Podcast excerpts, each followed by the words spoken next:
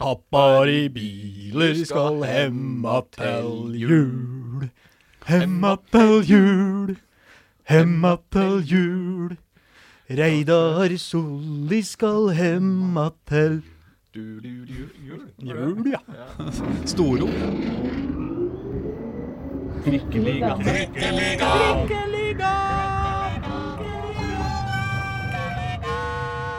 Ja, skal vi ikke bare kjøre på? Jo, jo. Det er jul! Ja, deilig. Vi, vi er i gang, ja. Vi er i gang! Trikkeligaens første sesong, siste episode. Uh, vi har akkurat i går kveld vært på Intility og sett Vålerenga henrette Start og vinne en eh, Nå fikk du sånn ansiktsuttrykk som Kan man virkelig si henrette, Reidar? Ja, jeg må jo følge opp hva som sies her. Ja, ja, men det er fotball. Ja. Eh, så det må være greit. Eh, og, og, og sikre bronsemedalje. Eh, men så har vi også en, eh, en ny person i studio, nemlig deg, Jonas. Ja. Hei! Jonas Bukker. Bykker? Booker, ja. Bukker. Veldig Bukker bra, veldig bra uttalt for første her. Ja, Bukker. Bukker. Det, er, det, det, er ikke, det, er ikke, Nei, du er ikke den første som har uh, nei, det er ikke noe tødler over den U-en der, sjøl om det er litt CH og sånn. Nei, men jeg har hørt Blücher mange ganger og, Ja, ja, og så videre. ja, Men Booker er ja, ikke sant. Men det er, kje- det er en gammel vits. Ja. Vi har pepperkaker i studio. Uh, må jo bare ta. Ja, takk skal du ha. Mm, mm, det, er det er jo lille julaften vi sitter her. Men jeg regner med at lytterne hører på dette sånn rundt klokka fem på julaften. Ja, selvfølgelig. Men, Er det etter Sølvguttene, tenker jeg? Sånn noe der, ja. Ja. men eh, Jonas eh, Oi! Det, der spratt stolen litt kraftig til. Um, eh, Jonas, du er jo på en måte et slags assosiert medlem av, av Dagsavisens sportsredaksjon. Det kan si det. Jobba masse i sommer og, og har jobba litt tidligere også, men nå har du vært i, i Kristiansand. Du var jo også innom her på, på intervjuet da Vålerenga spilte borte. Riktig. Men, men nå er du i Kristiansand, ikke sant? Hva driver du med der, egentlig? Jeg studerer eh, journalistikk, da. Mm. Eh, så ja, det er det jeg driver med der nede. Bare et par år, så er du tilbake eh, for fullt Ja, her. forhåpentligvis. Jeg vil jo tilbake til Oslo, selvfølgelig. Bra. For du er, men du er ikke Oslo? Eh, Nesodden. Nesodden. Ja, men eh, skulle ønske jeg var fra Oslo, ikke sant. ja, men det, dette deler du med alle fra Nesodden, så det Absolutt, går bra. absolutt. Men hvor, eh, hvordan er din sportsbakgrunn? Er du fotballspiller? Uh, kan vel ikke si det. Uh, den ene sesongen jeg hadde på Elver, slapp vi inn, hadde vi vel minus 100 i målforskjell. Så jeg kan ikke fortelle at jeg er en bra fotballspiller eh, med den CV-en. Hvilket lag var det? Fagerstrand het det. Veldig dårlig. Mm. Men interesse Altså, kunnskapen er vel høyere enn ferdighetene i fotball. Vil jeg håpe. ja, vi får satse på det. Altså. Ja. Men uh, hvor, hvor, uh, hvilken posisjon på banen? Stoppere. Så var eh, ansvarlig for mange av de. Ja, du var det, ja. Men kaptein. Det tar jeg med meg. Oh, ja. Én sesong, og det var kaptein. Men Ja, så, så ga jeg meg. ja. Kunne gått i en annen klubb, men hadde nok ikke blitt så mye bedre, tror jeg. Ja, du tenkte at det, det var et miljøskifte som skulle til for, Ja, ja, for å få karrieren på stell igjen etter det forsmedelige Ja. minus 100 Nei, vi var et fryktelig fotballag, men Ja. eh, nok om det. Det er kjedelig. Ja, men, men, eh, men eh, du er også Vålerenga-mann. Jeg kan vel si det. Kan Ja. vel si det, Absolutt. Ja. Eh, Reidar eh, fortalte vel for noen episoder siden at hans første kamp han dekka, var med Odd Iversen. Stemmer. Ja. Ja, ja. Det første navnet jeg lærte meg på en fotballspiller, tror jeg var Steffen Iversen. Så ja, en liten kul. Steff, Steffen Iversen lærte seg jo nesten å gå i avisa vår. Nettopp. For han var jo da med på jobb da Moren til Morten Pedersen selvfølgelig var sekretær på sporten i datidens Arbeiderbladet. Ja. Så, var, eh, så bodde da Odd Iversen selvfølgelig hjemme hos uh, dem. Uh, og da, da var uh, Steffen Iversen ganske nyfødt, eller ett år, ett, to-tre år. Så han eh, hadde sine første, første vaklende skritt i Arbeiderbladets eh, redaksjon, faktisk. Wow. Dette var, dette var noen uker siden, Ja. kjenner jeg. Ja, så du har lært Steffen Iversen alt han kan? Ja, blant annet å gå. Eh, hvis du gjør det veldig kort, langt, så kan vi være inne på noe der, ja. ja. Vi må være litt rause. Uh, bare så lytterne forstår hva som foregår. Nå, uh, siden det er siste sending på jul, det, det er jo spesialsending, og vi har pepperkaker og alt mulig, så betyr det at vi først skal snakke litt om uh, Vålerengas siste kamp, uh, serieavslutninga og det der der. Og så skal vi ha et lite sceneskifte her, hvor noen av de andre gutta i podden kommer inn, og Jonas blir kasta på gangen, og vi skal kåre eh, de beste spillerne i hver enkelt Oslo-klubb eh, for sesongen 2020. Men det skal vi komme tilbake til, fordi nå Ikke skal vi til riktig alle klubbene, men i hvert fall noen av dem. Ja, altså, Ganske mange. to- Toppfotballen. Alle som Ja. har faktisk fått lov til å sparke ball i år, Ja. og som holder til i Oslo. Ja. Skal vi, Ja, skal det, vi det? er faktisk riktig. Det ble så enkelt i år å definere hva som er toppfotball eller ikke, fordi det, det gjorde covid for oss. Mm, mm. Eller eh, eventuelt uh, Abid Raja eller et eller annet. Men nå skal vi til Intility i går kveld. For en gangs skyld ikke så kaldt som uh, vi hadde trodd, eh, men herre min hatt for en stemning. Mm. Og for en nerve før kampen. Det var jo sånn derre eh, Hvis Vålinga vinner, så er det greit. Men hvis Vålinga spiller uøvert, så må Rosenborg tape. Hvis sta men for aller vanskeligst var det for Start. De måtte ha poeng for å ikke være sikra nedrykk. Hvis Mjøndalen tok poeng mot Ålesund, eller vant mot Ålesund men det gjør jo alle i hele Norge unntatt Vålinga. Så det må man jo nesten regne med. Så det var liksom lagt opp på forhånd til å bli tidenes thrillerkamp. eh, Eller OK, en, en veldig, veldig eh, spennende kamp. Det var aldri noe tvil. det ble det jo ikke. Nei. Det tok jo hva da, to minutter før uh... Fem, vel. Og så var uh, Kjartansson på plass. Uh, Mm. Sarawi med meget bra forarbeid og 1-0. Uh, man skulle jo tro at uh, Vålerenga skulle slite i en sånn kamp som det her, hvor det er mye på spill og en viktig kamp, og det, man må jo vinne. typisk sånn Vålerenga-slite. Vålinga slite ja. når det Nå har vi liksom matchballen. Nå er det bare å sette den, og så er det Mange regner med da at de skal gå på trynet, men eh, det er jo et nytt Vålerenga-lag som man Mm. glemmer. Eh, og 2020-utgaven er helt annerledes enn den har vært tidligere. Så Mm. de, ja, de står jo ut i disse vanskelige kampene.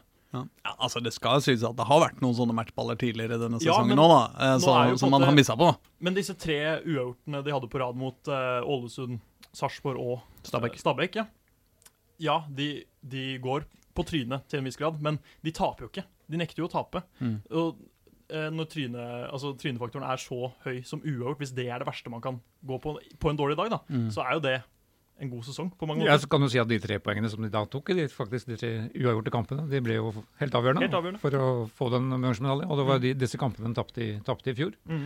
Så det er den store forskjellen. ja. Og så er det litt sjarmerende med sånne kamper hvor så mye står på spill. For det var jo da det samme skjedde da de tok sølv, var det vel, i 2004. Mm.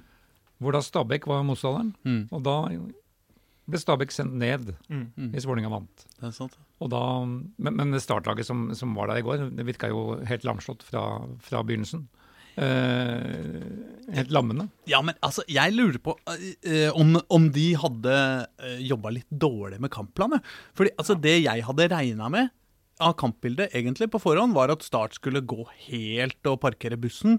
At Vålinga egentlig burde, burde slenge inn på Matti med en gang og kjøre sånn der OK, nå må vi vinne på huet, fordi dette kommer til å bli stanging og stanging og stanging.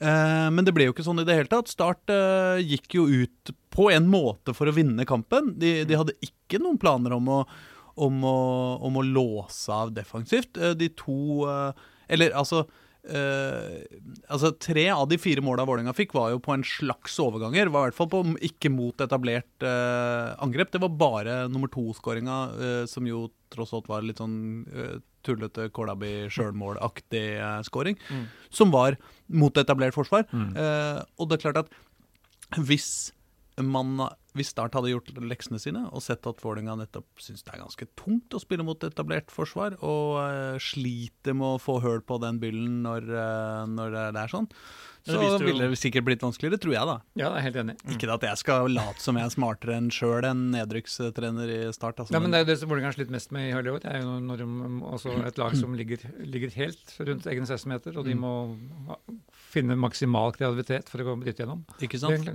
har de ikke klart. Og så får de de må- da muligheten nå til å kontre, og da Mm. er de sjanseløse. Ja. Start. Og særlig når både Osame Sarawi og Ivan Nesberg samtidig er så skrudd på som i går. Ja, for den pasninga til Ivan uh, før enskåringa over huet på høyrebekken til start, Mm.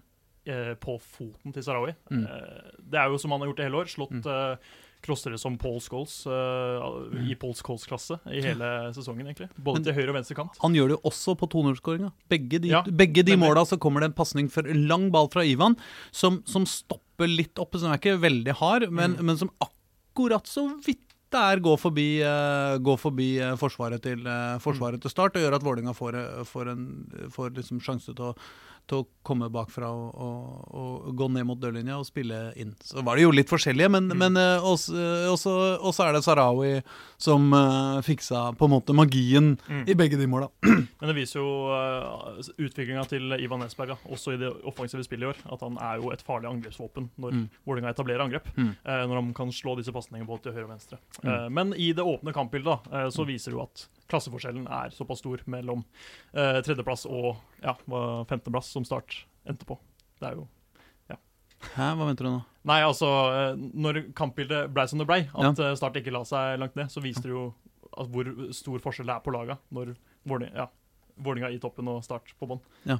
Jeg bare syntes du sa at Start kom på femteplass, så da bare Nei, Hæ? nå- femtende. ja. Det femtende! Ja, ja, ikke sant? Ja, ja, men da er jeg med. Ja, ja. Eh, takk, til, takk til meg. Var det noe mer å ta ut av den kampen i går, da? Jeg var mest opptatt av rammen. da. Altså, det dukka opp en gjeng på, med bluss oppe på den ene muren på en i kortsida. Ja, det var Hva slags gjeng var det? Det var, det var godt å se. Det var, eh, Ja, de sto utafor her, var det ikke det? Jo da, det var nok eh, noen av de ivrigste eh, eh, hopperne og spretterne eh, som sto på eh, Det var vel en eh, opptil ti folk eh, på det meste som hadde tatt med seg Jeg så dem fordi jeg gikk den veien eh, etter eh, kampen. Som hadde tatt med seg eh, gardintrapper. Og klatra opp på, eh, på en, en liten sånn kortvegg. eh, Og de hadde altså må ha svidd av ganske mye spenn i fyrverkeri. Av en eller annen grunn brukte de mesteparten av det før kampen, eh, men eh, samme av det. Eh, og Bluss og Ja, men det, det eh, er kjempekoselig, altså.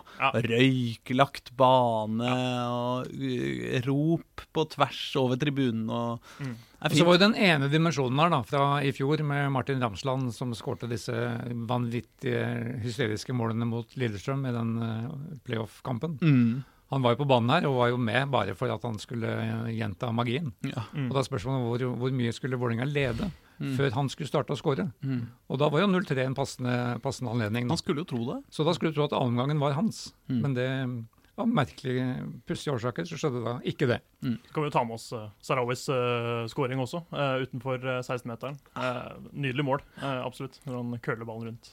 Altså, og det, Det da, da kjente jeg at eh, jeg, må, jeg må si at eh, i går fikk jeg ordentlig ordentlig troa på Osame Sarawi. Ja. Altså. Han, altså En ting er at han, han eh, leverer både mål og, og eh, en slags sånn assist eh, Ja, altså han skårer jo assist, og, eller han legger assist og har en sånn halvassist som blir på en måte et mål. Mm. Men, men og, og det, har, det potensialet har han jo åpenbart hatt eh, lenge. Men jeg mener, Vålerenga Det har vært ganske mange gode spillere uh, på Vålerenga opp igjennom som har vært sjukt gode med ballen i beina. Mm. Og som kan drible av eh, fanden på flatmark. Og Uh, men har slitt litt med skudd og uttelling og, og enderesultat. Eh, liksom. Poeng, poenger og, og, og sånt. Og så har de endt opp med en, en helt OK eh, karriere i Esbjerg eller Ikke sant? Altså Feyenoord. ja, ja, ja, men ikke sant? Eh, Du, du, som, som, men som ikke tar det siste skrittet til å, til å virkelig bli en toppspiller, da, men, og som mest har i beina. Men sånn var det jo med Osame til å begynne med da han kom inn i starten. At han var Oi, shit, for et talent. Eh, for en teknikk han har. Mm. Eh, og da var det jo greit at han dribla de, de folka og gikk forbi. Ja.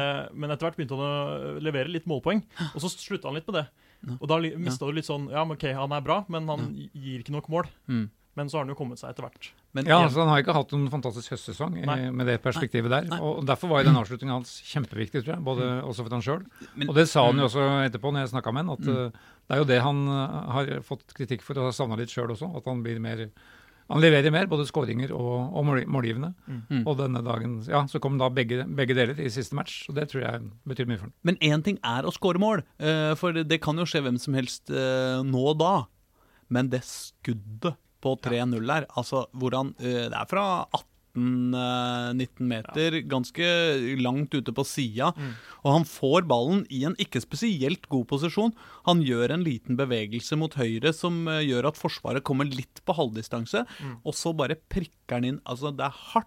Og den går den, den peker jo mot en meter, halvannen utafor mål når den forlater foten hans, og så, og så køler han inn eh, rundt keeper akkurat dit den må. Det er virkelig ja, altså, det, er, Det er hans det er peneste skåring i år. Absolutt. Ja. Og, det er en, og, det, og det er et skudd. Det er et Mm. langskudd. Og det, og det har jo ikke Det har du ikke sett ut som han har hatt helt i seg ennå. Nei. Han er jo liten og, og har åpenbart litt å gå på i, liksom, i muskelmasse og, og bygning, men, men eh, når du kan uh, skåre det målet der, da kan du gjøre mye på en fotballbane. Altså. Det, minner jo veldig, det målet minner veldig om Gia Sahid da han spilte på venstrekant i Vålerenga. Mm. Eh, jeg har vært litt uenig i den sammenligninga, fordi jeg syns at Osama er enda bedre teknisk enn uh, Gias. Mm. Men eh, akkurat i går, med den bevegelsen eh, hvor han finter en overlapp ut til venstre, Mm. drar seg inn til høyre, køller i lengste, det var det Gia Sahid-klasse over. Fy faen. Ja, det var deilig. Eh, Så var det Jeg, eh, altså, når, når de fikk eh, delt ut eh, medaljen og sånn, de fikk jo ikke sant bronse, og det har jo vært en lang kamp, og, og, og det var sånn rørende øyeblikk og sterkt og fint og, og koselig. Men så skjedde det noe litt sånn pussig akkurat etter at medaljene var delt ut. Altså, medaljene ble ikke delt ut heller. Altså, jeg snakka jo med Jon Mørland, som var da NFFs representant på, på matchen, som skulle da dele ut medaljene. Det er jo vanligvis at man deler ut medaljene, bokstavelig talt. Henger dem rundt halsen på ja. spillerne. Mm. Men pga. koronasituasjonen så var ikke det lov. Så medaljene måtte ligge der. Og så måtte da noen som var inne i Vålerengas kohort, er det det det heter, Mm. dele ut medaljene. Så det var jo sportssjef Jørgen Ingebrigtsen Mm. som delte ut medaljene til hver enkelt. Og så Mm. sto NFFs styremedlem eh, korrekt antrukket ved siden av bordet, langbordet som var dekket anledningen, og sørget for at eh, alle fikk hver sin lille premie. Han så, så litt ut som han ikke helt eh, visste hvor han skulle gjøre av seg. Ja, nei, han skulle passe Han sto ved bord, bord, bordenden, og det ja, han var en del av møblementet der. Ja. Men eh, jeg har sett noen medaljeutdelinger opp igjennom, og jeg må si at dette her var eh, en av de mest eh, merkverdige jeg har eh, vært med på. Og ikke minst da pga. den blomsterseremonien, Mm. som jo vanligvis man kobler til noe positivt, Mm. men som her åpenbart ikke var det. I hvert fall ikke for alle. Og det mm, var en veldig spesiell situasjon. Ja, for det som skjer er at etter at medaljen er delt ut, og også sånne minnemedaljer, eller hva de, hva de sier, når de, de som ikke egentlig har spilt nok kamper, eh, men, eller er i støtteapparatet, de skal også få medaljer. Og så sier altså speaker eh, det er noen spillere på Vålinga som enten har utgående kontrakter eller har en uavklart kontraktsituasjon, og de skal nå få en blomsterbukett. Og det var vel da Altså, det er de, de, det det er de man, man på en måte tror. Det er eh, Da det er- kom halve laget fram. ja, men, ja, men ikke sant? Det, det er jo Bård Finne, som jo har gått til, eh, til Danmark. Det er Benjamin Stokke, som, Har utgående. som har utgående kontrakt, og som det på en måte har ligget i kortet at vel neppe kommer til å, kommer til å få en ny en. Um, Og så er det jo Matti. som, og så er det eh, Matti Williamson som skal tilbake til Island, og alle veit, og det er klart, og alle er glad, og det er koselig og sånn. Men så er det også Herolin Sjala, Magnus Lekven og Jonathan Tollås Nation. Og utad så har det jo ikke vært kommunisert om de tre er ferdig i klubben, eller om de skal være med videre. Eh, Så det har jo vært et sånn spørsmål som man har liksom Det er jo noe av de tinga man har diskutert mye. Med Tolle så har det til og med vært VG-sak, og, og liksom eh, de har krangla litt sånn offentlig om kontrakta. Og så plutselig så får de liksom blomster sammen med de som skal slutte. Eh, Og da kjente jeg at det var sånn derre Og de får blomstene av han de antagelig har krangla mest med i disse forhandlingene de Men siste ukene. Hva var det som skjedde der, tror dere? Altså, Var dette spikeren i kista for de tre spillerne også? Var det det som, var det det som skjedde? Altså det, alt tyder jo på at uh, disse er ferdige nå. Eh, Men det er jo altså disse, spesielt da Tollås, mm. kapteinen, Mm. eh, Lekven og Sjala, som er eh, A-lagsspillere alle sammen, som har over 20 kamper i år alle sammen, Mm. eh, og vært viktige i laget. Mm. Så det er jo veldig, veldig rar måte å takke av på når ingenting er klart rundt de spillerne. Ja. Og Tollås er jo en type som han liker jo orden i systemene sine. Mm. Altså Han har spilt for to klubber i hele sin karriere. Det er, det er Ålesund og Vålerenga. Og han, han vil vite hva som skjer mm. neste år, liksom. Ja. Nå vet Og han ikke hva helst, helst året etter og helst etter det der nå. Ja. Nå vet han ikke hva som skjer om en uke. Nei. Altså han, han, han, er, han er ikke ansatt i Vålerenga lenger etter 31.12. Mm. Uh, og dette, dette går inn på han, helt opplagt. Men han, uh, leser vi Fagermo riktig, så er er, han er ikke i nærheten av Mm. Han må, gi, han må gi, si eventuelt ja takk til den ett- ettårskontrakten han har tilbudt. Og det har han sagt nei til. Mm. Ja. Og der står saken. Og slik jeg tolker Fagermo, er ikke rom for uh, å revurdere det. Det, er fall, det var i hvert fall, syns jeg, en, eh, en ganske spesiell måte å, å, å si ha det på. Eh, jeg syns jo også, helt ærlig, at eh, det var overraskende at ikke Bård Finne fikk eh, komme innpå i sin siste kamp for Vålerenga. Han har spilt nå fire sesonger for Vålerenga. Stort sett skåra ti mål i, eh, i hver av de sesongene. Vært viktig. Eh, ikke sant? Han har Avgjort to kamper mot Lillestrøm aleine. ikke, Altså, ikke sant? Han har hatt noen øyeblikk som har vært helt sånn legendariske Vålerenga-øyeblikk. Mm. Og så får han ikke komme innpå. Men de setter på Brage Skar... Nei, Jo. Jo, Brage- Skaria fikk komme innom, som er jo hyggelig gest det mot en ung spiller som, får debut. som, som får debuten sin. Uh, men, men liksom uh, likevel at du ikke, at du ikke slipper på eh, å f gi folk en, en ordentlig uh, ha det. det Jeg veit ikke om Fagermo hadde lest intervjuet med Finn i Dagsavisen dagen før, ja, om at han uh, var mer fornøyd med spilletida han fikk under Ronny Deila enn enn under Fagermo. ja. Men han sa jo rosenord om Fagermo òg, men, uh, men det er klart hans spillestil og, og har, ikke, har gitt Bård Finne mye mindre spilletid. Mm. Så høsten har vært mye mindre verdifull for han. Men, men eh, slik jeg kjenner Fagermo, så kan han ta hensyn til det. Mm. Men eh, man vet aldri i denne bransjen her. Nei, men det er jo noe av det som er kult med Fagermo, at han ikke tar så mye hensyn til, eh, til på en måte de tinga der, og at han gjør litt sånn urettferdige ting i eldre spilleres dysfavør, er jo ofte et tegn på at han har tenkt å bygge noe over lang tid. Men, at, men, men eh, ikke sant, når du leder 4-0 i siste kampen, da, da går det an å ta noen sånne litt sånn hyggelige takk for eh, lang og, og tro innsats. Det følte jeg liksom Ja. det var litt sånn Det er helt enig, for det- hadde jo blitt med Bård Finne. Altså, om man bare hadde fått ett minutt, så hadde det blitt en markering foran den lille delen av klanen som var der. ja. Og Og det, det hadde han fortjent. Med tanke på at eh, han sa det, at eh, han passa bedre under Deilaball uh, Mm. enn Fagermo, eh, så har han jo faktisk eh, åtte mål i år også. Ja. eh, og hadde vært toppskårer sammen med Dønnum hvis det ikke hadde vært for Kjartansson. Eh, Ja, og, og hvis han hadde fått spille, så er det jo Ja. all grunn til å tro at, at Bård Finne øh, Altså utenom Kjartansson er nok Mm. Bård Finne den spilleren i Vålerenga som er flinkest til å skåre mål. Rett og slett. Mest Ja. måltøft. Og han har jo vært i Vålerenga siden 2017 og ja, uh, gjort sakene sine bra. Og vært en av Vålerengas beste spillere uh, hver sesong. Så han hadde absolutt fortjent å komme inn mot slutten her. Men det skal jo også sies at det sier jo noe om penga som er i Vålerenga. Når de kan si til en midtstopper, altså en av Norges beste midtstoppere, Mm. en av Norges eh, soleklart eh, Eller en av Norges beste sentrale midtbanespillere eller, ikke Ja. sant, i Lekven. Og, og en, en effektiv og god målskårer i en god alder også, i, i Bård Finne. At jeg kan si, at jeg kan si eh, eh, Nei, og, nei, og ja, altså pluss Herol Inshallah. Mm. Ikke sant? Altså At han kan si til disse folka Nei, dere er ferdig før han har signa noen nye Ja. i de, i de plassene. Det, det tyder på at han har muskler. Da må han jo vite hva han driver med. Ja. Han må jo vite at han har penga til å kjøpe inn flere eh, eh, av Altså, de, han snakker om gull i går, ikke sant? Han Mm, om mm. det. Vi er ikke her for å vinne bronse. Mm. Ikke sant? Han, han må åpenbart ha en plan for å altså, Det mener jeg på en måte at vi rundt da må nå, nå må vi kunne forvente det, liksom. At, uh, at han har tenkt å forsterke på de tre plassene. Hvis ikke så er det jo meningsløst å kvitte seg med dem. Det er jo rart, eh, med tanke på at det har fungert såpass bra da, med Mm. det laget som han har bygd nå, med Mm. Tollås i midtforsvaret, med Lekven og Sjala eh, rullerende på midten, Mm. At, eh, at han da velger å la dem gå, selv om han skal satse ungt, da, og Mm. gjør det på sikt. eh, og da bryte den kontinuiteten som allerede er bygd i laget. Eh, Ja, for det, ja nei, nei, det er helt riktig, for det kan jo bli et helt nytt lag neste år. Altså, Ja. Det er jo stor risiko at både Osame og Ivan Esberg forsvinner Absolutt. i løpet av neste vindu. Osame, tror du det? Det kan, det kan skje.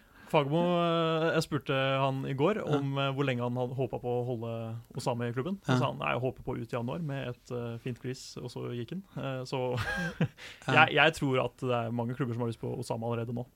Men til spørsmålet ditt, så har de, de, har, de har økonomiske muskler mer enn de hadde for ett år siden. Ja. Mm. For, for uten det så kunne han ikke gjort dette her. For det, for det blir jo faktisk en eh, kan bli et helt nytt lag neste år. Mm. Ja. Han kan ikke ba, bare bygge med egne unggutter. Nei, for det er jo Eh, For ambisjonen er jo rett og slett gull. Mm. Og det er mange poeng opp til Bodø-Glimt uh, og den gullplassen. Ja. Men uh, ambisjonen er der, og da må det jo handles deretter. Overgangsvinduet åpner 15.1. Ikke sant? Og det er jo uh, Altså, Ivan Nesberg er jo nå i sin aller beste eh, alder for en midtstopper til å, til å reise ut. Det er på en måte nå i løpet av eh, år eller neste år det er, er liksom lukter mest sannsynlig da, at han skulle ta steget. Selv om mange vil jo sikkert si at ja, men han kan godt ha to toppsesonger i Eliteserien Mm. før han skal ut. Ja, men uh, det Han vil jo ut også, etter hvert. Ikke sant? selvfølgelig, vil han ut, liksom. Han er veldig glad i Vålerenga, men, Mm. uh, men er klart han vil ut. Og det er klart at i eh, eh, Sverige, Belgia, eh, Nederland Mm.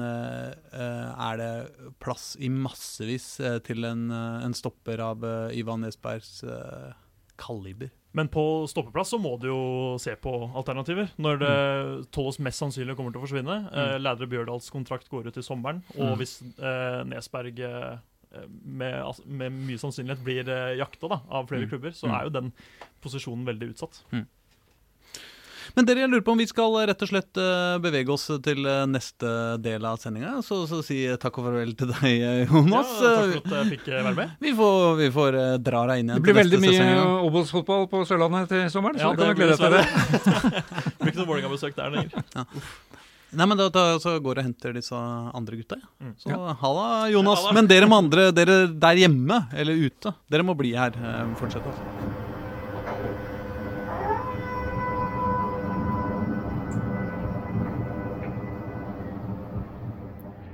Da har vi kasta Jonas Bucker Bukker på dør, og isteden har vi fått inn Pål Karstensen og Håkon Thon samtidig. Endelig skal det bli ordentlig podkast. Herre min hatt, dette blir fint. Det er nå du skal si hei, Håkon. Hei! Hei! Han er så beskjeden. Han er beskjeden. Jeg husker ikke hvordan dette fungerte, men det var sånn det var, ja. Ja, ja, ja. Aslak het du. ja, jeg het Aslak, og han der borte heter Reidar. Han der Reidar, ja. Lille Oter, Ja. som jeg kaller. Dere, Siden det er jul, så skal vi spise pepperkaker under sending. Det gjør at vi får litt dårligere sånn eh, stemmeprakt, fordi eh, den, eh, den lar vi får sånn Litt sånn melete billigpepperkaker. Han ligger liksom inni Er det pålagt å spise pepperkaker? Apro, absolutt. Apropos, apropos, her kom det en mann. Faen, nå er det jul, altså. Ferdig med 16. Da jeg hjemme. Men for å feire jula, eh, så eh, tenkte vi helt på tampen å eh, kåre litt kåringer. Kåre kåringer. Ja, jeg jeg kåre... syns den beste kåringen, det er tabellen. Den syns jeg er en god kåring. Da kårer man det beste laget. Det er den be beste kåringa. Er Toppskårerkåringen kåringen? er nest best. Men Skåre Konradi er på ballen. Brumt. Skåre Konradi. Ja, det er fint. Um, nei, vi skal kåre spillere. Vi skal kåre de beste spillerne i hver klubb i Oslo-fotballen.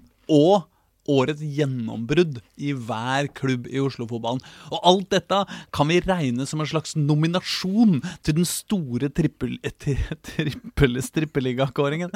Trikkeligakåringa. Herre. Ja, men det, det, var, det var ikke vin i den gløggen, var det det da, eh, Aslak? Jeg trodde ikke det, altså. Eh, men det er julestria som eh, Julestripålagt afasi. Nå er du inne på stri igjen. Pass deg. Stri, julestri. Nå må du slutte. Nå er vi morsomme. Vi skal kåre årets beste spillere i Oslo-fotballen uh, i uh, dag, i hver enkelt klubb, som en slags nominasjon til den store trikkeligakåringa uh, av 2020s beste spiller og beste gjennombrudd, som vi kommer tilbake til etter, uh, etter jul. Men så, så nå Hver enkelt klubbs beste spillere. Jeg lurer på om vi bare skal hoppe rett i det, Pål. Det kan vi godt. Åh, du har pepperkake i munnen. Det er ekstra deilig. Du kommer bare til å velge jo- han som har pepperkake hver gang. du. Nå ser Ja. vi hvem som har pepperkake. Han skal prate. Er sant. Du, ble jo pålagt å spise pe- pepperkaker, Ja. så må han jo gjøre det. Istedenfor å tegne oss her i dette programmet, så er det bare å spise en pepperkake, og da skjønner jeg at du vil ha ordet. Men det syns jeg var gøy. Vi setter den her. For jeg har lyst til å prate litt, jeg òg. Mm. Hvor, hvor skal vi begynne? Nei, hvor skal du begynne? Her, det er her jo alle her på, på lista, så det er bare å velge og vrake. Vi skal begynne nederst, da. Skal vi begynne nederst? Ja. Ja, det er Lyn damer. Er det Lyn damer? Ja, Ja, på den lista her, da, over Ja, klubber. men Begynn på toppen på lista di, da. da. er ikke nederst. Nei, nederst er du ikke. De er jo ikke det greide du å unngå. Ja. De gjorde en veldig god sesong, eller overraskende bra sesong. Det trenger vi ikke å diskutere. Nei, nei. Men eh, Nei, altså Det som alle har vært bitt seg merke i, som jeg nesten kunne vært både årets gjennombrudd og årets spiller, det er jo Camilla Lindberg. mm. Spissen på Lyn. Så da starta vi nederst eh, likevel, da. På din liste. Ja, nederst på lista. ja, det var Ja, det Han ja. sa jo at Ok. skulle starte nederst på lista. Og da jeg er Gud i dette programmet, Nemlig. Reidar Solli. Ja, ja, ja. Så Det ble- du, det har har vi ikke, skjønt. du kan styre oss eh, resten av eh, året. Men i podkaststudio så er det vel Aslak som har forrangen. Endelig. Nei, men da er Kam- vi på linja. Camilla Lindberg. Camilla Lindberg. Vi skulle ikke heller tatt har begynt øverst, da. Nei, Nei, kjør på nå. Camilla Lindberg mener sikkert at vi gjorde nettopp det. Hun ble jo da nesten toppskårer Ja. i årets toppserie. Og det Det var ganske mange som nesten ble toppskårer i årets eller, Ja, det. Hadde, hun, hadde hennes nye klubb, LSK Kvinner, vært litt medgjørlig i den siste seriekampen, så hadde vi jo latt henne skåre mål der. Ja, Og da, da, hadde hun blitt toppskårer. Men det ble hun ikke. Lyn vant jo uansett den kampen. Ja. Så da kunne jo hun fått de målene. Men da er jo da Camilla Lindberg årets spiller der, var det det vi ble enige om? Camilla Lindberg, ja. Og så et av årets viktigste tilskudd, årets gjennombrudd vet jeg ikke, for hun, eh, hun spilte jo lenge i Rosenborg, Laura Gashi. Veldig kjekt Vålinga etternavn. Mm. Burde ha spilt i Vålerenga når det heter Gashi, ass. Mens årets comeback i Lyn, det, det syns jeg har vært mest fascinerende. Det er Runa Lillegård som, eh, som kom inn eh, etter å ha vært skada et år. Kom inn rett før vi var på Kringsjå og Aslak, og så Mm. de spille mot Vålerenga. Mm. Og ble matchvinner der, der oppe. Åh, hun hadde noe altså så avsindig gode eh, raid og gjennombrudd. Eh, og skudd i krøsset eh, på, i den kampen. At det var helt fælt å se på for en ikke-nøytral tilskuer. Men Lyn har også da har en kategori bare for dem. Ja, ja. Årets største mysterium. ja. For det er eh, da Mariana Valeria La Roquette. ja. Landslagsspiller fra Argentina. Ja. Som de henta i limousin på Gardermoen i sommer. Det Som derimot høres veldig lynaktig ut. ja det, er, det, er, det er peak Det var veldig lyn. Ja. Alle stelte i smoking i løpet av to, to timers varsel. Mm. Og henta Lauriokette fra Argentina til Kringsjå. Hun har starta én kamp, kommet inn i tre andre. Og det var det. Null mål. Ikke toppseriens Messi, altså, selv om hun kommer fra Argentina. Det kunne jo vært det, da. Ja. Det, det var det hun ble lansert som, nærmest. Burde jo vært det. Kommer du fra Argentina, så er du Messi. Det er sånn det er. Da er vi vel ferdig med Beklager. Ja, altså det eneste er Er det sånn at det er for mange folk med etternavn som begynner på Lille i Lyn, og at dette er et problem for dem? Det vil jeg ikke tro. Ja, at det var Lille... Lille, Lin. Hun heter Linberg Camilla. Ja, det var Linberg. det- Det er ikke Lilleberg og Lillegård. Nei, Det hadde vært så det, koselig. da, da, da hadde det blitt vanskelig. Beklager, jeg skal ikke påstå at jeg følger jævlig nøye med på Lyn damer. Ja, neste år så trenger du ikke det hvis du skal se det- Camilla Lindberg, for hun har gått Lillestrøm. Ikke sant? Du følger antagelig enda mindre med på Røa, Mm. Ja. som rykka da ned. Som er den mestvinnende klubben i Oslo. Fem gull, fem seriegull, fem cupgull. Alle, nei ikke alle, men delvis under Geir Nordby, trener. Er Han har vært assistent under noen av dem. Og trener under mesteparten av dem. Han, han, han har leda laget i over 600 kamper. Det er ganske mye. Mm. Det har blitt 600 ting til. Nå, nå, nå valgte han å fortsette. Og håpa å nå 1000 kamper på sidelinja eh, som Røa-trener. Vi har jo ikke veldig tung uh, faglig tyngde for å kåre årets spiller i Røa og, og årets gjennombrudd. Uh, så jeg måtte få et lite tips fra han. For de rykka ned, de skal spille i første divisjon neste år. For Ja. så å gå rett opp igjen. Har bl.a. henta spillere fra både Grei og Vålerenga Mm. de to siste dagene. Um, så, så da syns han at vi skulle i hvert fall nevne Mathilde Harviken, som har vært en, en, en veldig lovende, hatt en veldig lovende sesong for Røa i år. Dynamite Girls. Dynamite Girls. Ja. Da har vi gjort det. Bra. Skal vi da ta den siste kvinnelige klubben, eller skal vi gå en annen rekkefølge? Å nei, vi kan eh, nei, Jeg, jeg, jeg syns du kan få lov til å styre denne lista, du, Pål. Nå ble det blir for mye Ja, men greie ryddig valg. med eh, Ja, Ta damene ferdig nå, da. Ja, da forholder vi oss til toppserien først. Ja, Da er det altså årets serie- og cupmestere, Vålerenga kvinner. Og denne gangen så kommer sannsynligvis noen spillere for Vålerenga til å vinne en kåring, da. I motsetning til det de gjorde i toppseriens egen kåring. Ja, for Vi snakker om nest, Norges nest beste lag, i beste fall. Ja, i beste fall, ja. I skyggen av I Rosenborg. skyggen av Rosenborg, som selvfølgelig har vært årets klart beste lag. Ja, altså, det er, bare for de av lytterne som ikke skjønner hva vi prater om. Det er jo en sånn kåring som Fotballforbundet. Eller topp, toppserie ja, Da er det vel norsk toppfotballkvinner da, som kåra det, sikkert. Eh, som har liksom en sånn kåring av de, de viktigste De beste spillerne, beste treneren, beste lag og beste Mål. eh, mål og litt sånn dill og dall. Eh, og Rosenborg tok jo altså storeslem. De vant både beste klubb, beste trener, beste mål og Eller på om De vant var alle spillere unntatt årets spiller. Som Vålerenga vant. Men eh, de tok altså eh, Jeg tror de tok fire, fire gull, altså særlig da beste lag og beste trener, i en situasjon hvor en annen klubb har, eh, har vunnet eh, the double. Eh, for første gang revet LSK ned fra trona. Og Nei, det var Det er mange, mange i Oslo som har stussa mer enn bare to ganger på det. Mange utenfor Oslo som har stussa mer på det, tror jeg. Dessuten at uh, årets mål ble sånn helt OK skudd. Årets mål ble jo eh, Så jo vi etter at uh, kåringen var slutta. Ja, i, i, Det var eh, jo i cupfinalen. heller, da. Nei, så, den, den må vi ha forståelse for at ikke, for at ikke altså, men vinner. så bra men var den at den egentlig burde bare gått inn og vunnet. den burde bare trumfa Ja, alt. burde bare, selv om det er toppserien, en annen turnering. Samtidig er det jo vanskelig når det er en kåring sånn som det her, så får vi liksom bare fasiten på hva de mener den spilleren vinner. Eh, Vi får liksom ikke prosessen. Så Det er ikke sånn at de, de, de, Vålerenga har nok vært ganske tungt inne i de fleste her, men kommet ut på tapende side i nesten alle. Og det er det som er kanskje litt rart, at de ikke stikker av med f.eks. årets trener.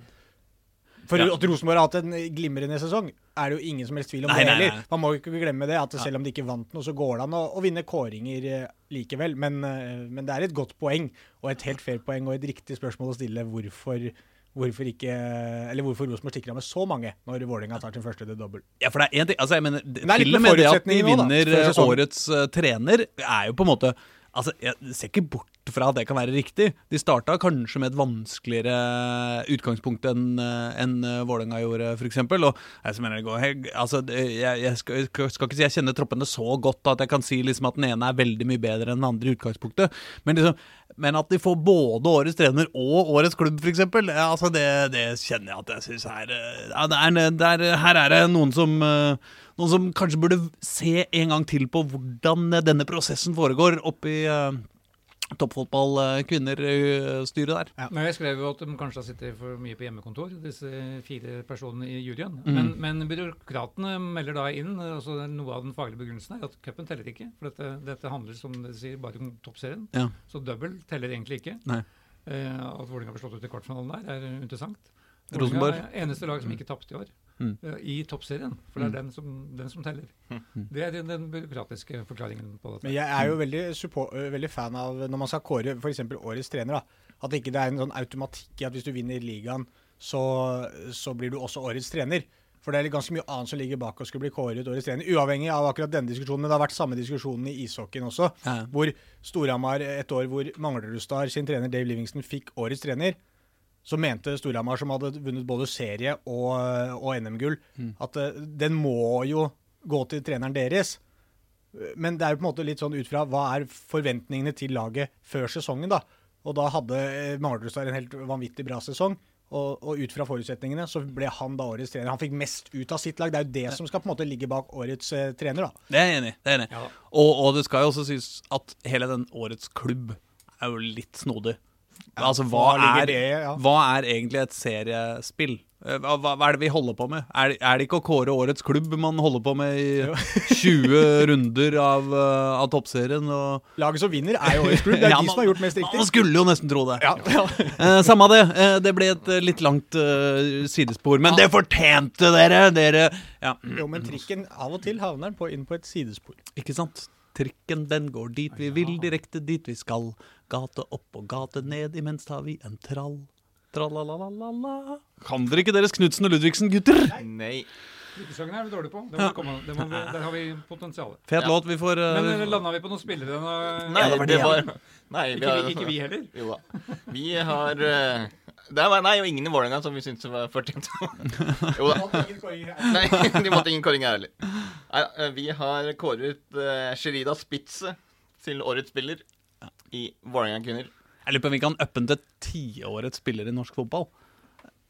I norsk kvinnefotball. Kvinnefotball. Eh, du har jo, eh, hvis du tenker på Guro Reiten for eksempel, i Lillestrøm, har jo, de har hatt mange gode spillere. Ja, det er Men greit. den, den eh, påvirkningen som Sherida Spitze har hatt Ja. på det Vålerenga-laget siden Ja. hun kom inn, og siden hun da nå har forlatt det til Ajax, Mm. den er det ikke mange som har uh, som har hatt. Nå, nå, nå, at, eh, nå Håkon har ordet. Håkon vil ha ordet, for han grep etter en pepperkake her.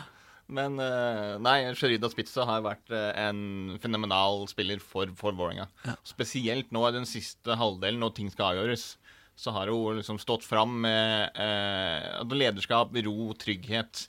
Den vinnermentaliteten som skal til. Eh, hun greide jo nesten på egen hånd å kvalifisere laget til Champions League. Mm. Med fem målgivende i den ene kampen borte der i, eh, eh, i Champions League-kvalifiseringen. Mm. Jeg skårte jo i eh, eh, NM, i semifinalen i NM, og har jo masse bidrag i, i toppserien også. Så uh, Cherida Spitze det er en fortjent uh, årets spiller. Jeg syns også hun er en spiller som, uh, som kanskje syns tydeligere hvor god er på stadion enn på TV. At eh, det er noe med liksom auraen hennes og plasseringa hennes på banen, hvordan hun alltid passer på å være sentral, spillbar, øh, styre laget. Hun er en sånn type spiller eh, som, som Sjøl om hun gjør sånne helt sånn ekstraordinære ting iblant, og har noe skudd som er helt annen verden og sånn, så er det den derre lederrolla til Sherida Spitze. Den øh, Altså jeg tror den blir vanskelig å fylle altså, eh, til neste år. Sjøl om eh, de har mange gode kandidater, så, så, så tenker jeg på at hun er noe helt, helt ekstraordinært. Og som en sånn spiller som vi kommer til å uh, tenke tilbake på om, uh, om ti år og si liksom Fy faen, husker du de åra vi hadde Sherida Spitzer, Liksom. Det var fett. Ja, det, og det er helt riktig, det med kroppsspråket hennes. Og så Selv om hun ikke er nær ballen, selv om hun er 15 meter unna, så ser du at hun er, hun er sjefen. på Mm. Hun styrer, hun dirigerer. Som hun skal gjøre i Ajax fra nå av. Men jeg er da temmelig sikker på at vi kommer til å høre om henne i årevis. For hun kommer til å gå inn i en topptrenerrolle når karrieren en dag er ferdig. Skal vi gå videre? Eh, årets spiller i toppserien. Årets gjennombrudd. Ja, årets spiller i ja. toppserien. Ja. Det er jo Ingebjørg Sigurdardottir. Ja. Eh, Den eneste prisen som Vålerenga da vant. Og eh, vi har også kåra henne til årets gjennombrudd. Mm. Siden hun kom jo til Vålerenga foran årets sesong. Hadde jo spilt én sesong i Djurgården i Sverige. Eh, og før det på, på Island. Men eh, sammen med da hun eh, Ballesager Pedersen, så har de vært eh, potte tette i, i forsvar. Mm. Det er altså eh, Forsvaret der styres, det er litt sånn på, sånn på, på herresiden nå. Tollos Nation og Ivan Nesberg. De er veldig, altså de òg har et veldig veldig godt stoppepar, og det har de på, på jentesiden òg. Eh, og da, da er det Når du har to bak der som, som styrer så godt så, som de gjør, og, og da med en hjelp av en så god midtbane som de har, så slipper de jo nesten ikke inn eh, mål heller. Mm. Og det er jo selvfølgelig en veldig viktig del av det å faktisk vinne ting. For det er jo som de eh, alltid sier, de store trenerne eh, Defense wins you titles. Mm. Og sånn er det med, med Vålerenga også. Ja, og Vålerenga er ikke et lag som har vunnet mye 5-0-seire i år. Det har ikke vært de sånne ekstraordinære offensive prestasjonene med eh, brassespark i krøsset-aktig. Men det har vært mye 1-0, eh, det har vært mye 2-1, og det har vært mye trygt eh, defensivt spill. Og Men Ja. hvem skal, Det er jo bare fem, seks, sju uker, små uker til de skal spille i Mesterligaen mot uh, Brøndby. Mm. Hvem skal erstatte Sherida i denne, dette oppsettet her? Det blir jo, som vi alltid har sagt her, eh, Rikke Nygård. Og ikke ny i går. Fordi det er jo den, eh, som jeg sa forrige gang, jeg har jo aldri hatt større forventninger til en kvinnelig fotballspiller noensinne enn Rykke Nygaard. Og det er jo fordi Jack Marga Jensen drar opp henne hver eneste gang han skal eh, snakke om hvem som eh, hvem som skal ta over for Shirida Spitze, og hvem som liksom er perfekt i hans måte å utvikle det her laget på. Det er da svaret Rykke Nygaard. Og Hvis du skal se hvor uh, utviklinga i Vålerenga damer går, så klinger det også veldig fint å si det er Jack og Rikke. Ja. Mm. Ikke sant. Skal vi bevege oss ned videre til eh, Da må vi eh, nederst i bånn av herresida, da. Skal vi ikke det? Skal vi nederst i bånn av herresida, så er det vel det laveste rangerte laget her. Det er vel da Kjelsås. Ja. Spiller i hos Nordligaen og fikk en ganske kort sesong i år, eh, med tanke på at de ikke gikk videre til sluttspillet i Post Nord, så de fikk jo spille litt sånn Post Nord-cup på slutten, men av ligakamper så ble det jo ikke så mange. Eh, der var det vel egentlig ikke så vanskelig å kåre årets spiller, for det er vel kapteinen og den beste spilleren de har, Jesper Solli. Eh, han har vært uh, jeg kan si han enorm på, på Oslos tak, men han har vært veldig god i alle kampene. Han tar tak. Han, du ser at han har det lille ekstra som de mange andre spillerne ikke har. Han er en, altså en godt kapteinsemne, for han går rundt og kjefter og bjeffer litt, og sånn, og så tar han tak når, når det kreves. Mm. Eh, God skuddfot har han. Eh, Jeg så jo at Kjelsås eh, ikke kåra hans mål til årets mål, men det målet han hadde når han banka han i krysset fra 40 meter, eller hva faen det var det, altså, han, han har god skuddfot. Han er, han er egentlig all around bra i det meste. En veldig veldig viktig spiller for Eivind Kampen er oppe på, på Oslos tak. Man, man kan faktisk nesten karakterisere sesongen hans som enorm. Kort, men enormt bra. For han hadde fem mål og fem assist på 13 kamper. Mm. Fra midtbanen, fra sentral midtbane. Og, og i tillegg til å være lederen på laget. altså som du er inne på? Et annet engelsk uttrykk, da, 'lead by example'. Mm. Han går foran og viser sånn her kan man gjøre det. Ikke, hvis du går og bjeffer da, som kaptein, og ikke får til noen ting selv, så, så blir, slår den eh, veldig tilbake på deg. da. Mm. Men uh, Solli går faktisk foran sportslig også. Og så er han jo faktisk sønn til Reidar. Det er kanskje det overraskende her. Ja. Men han er i hvert fall sønnen til Øystein, tenker jeg. Som jo da, som jo da er en gammel venn av eh, Ja. Jeg, jeg, merker, jeg merker stadig vekk at, eh, at det blir sånn at jeg kjenner fedrene til, til stadig flere spillere. Det er et merkelig fenomen i, i, i min alder. Men eh, nei, jeg kan avkrefte at han ikke er min sønn. Han, han skriver jo etternavnet sitt helt feil. Men faren hans eh, skriver det etternavnet veldig bra i den familien.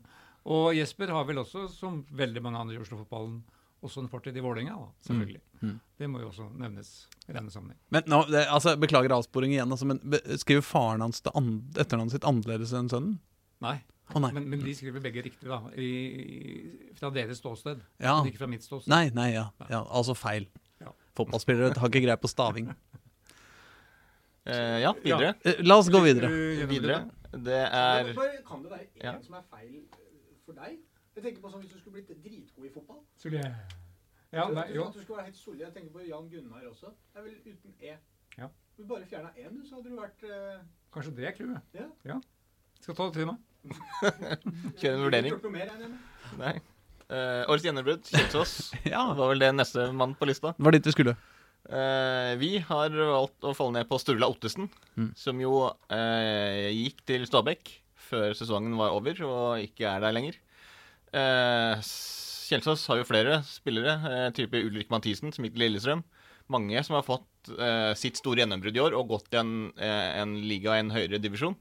Og det må liksom være noe av det som ligger i årets gjennombrudd. Hvis du er spiller såpass bra at klubber i høyere divisjoner kommer inn og henter deg, Mm. så er det per divisjon et gjennombrudd. Og Sturle Ottesen eh, var eh, trolig god, rett og slett. Veldig, veldig bra. Han var jo på vei ut øh, Han var jo liksom på blokka til flere klubber, veit jeg. Tidligere også.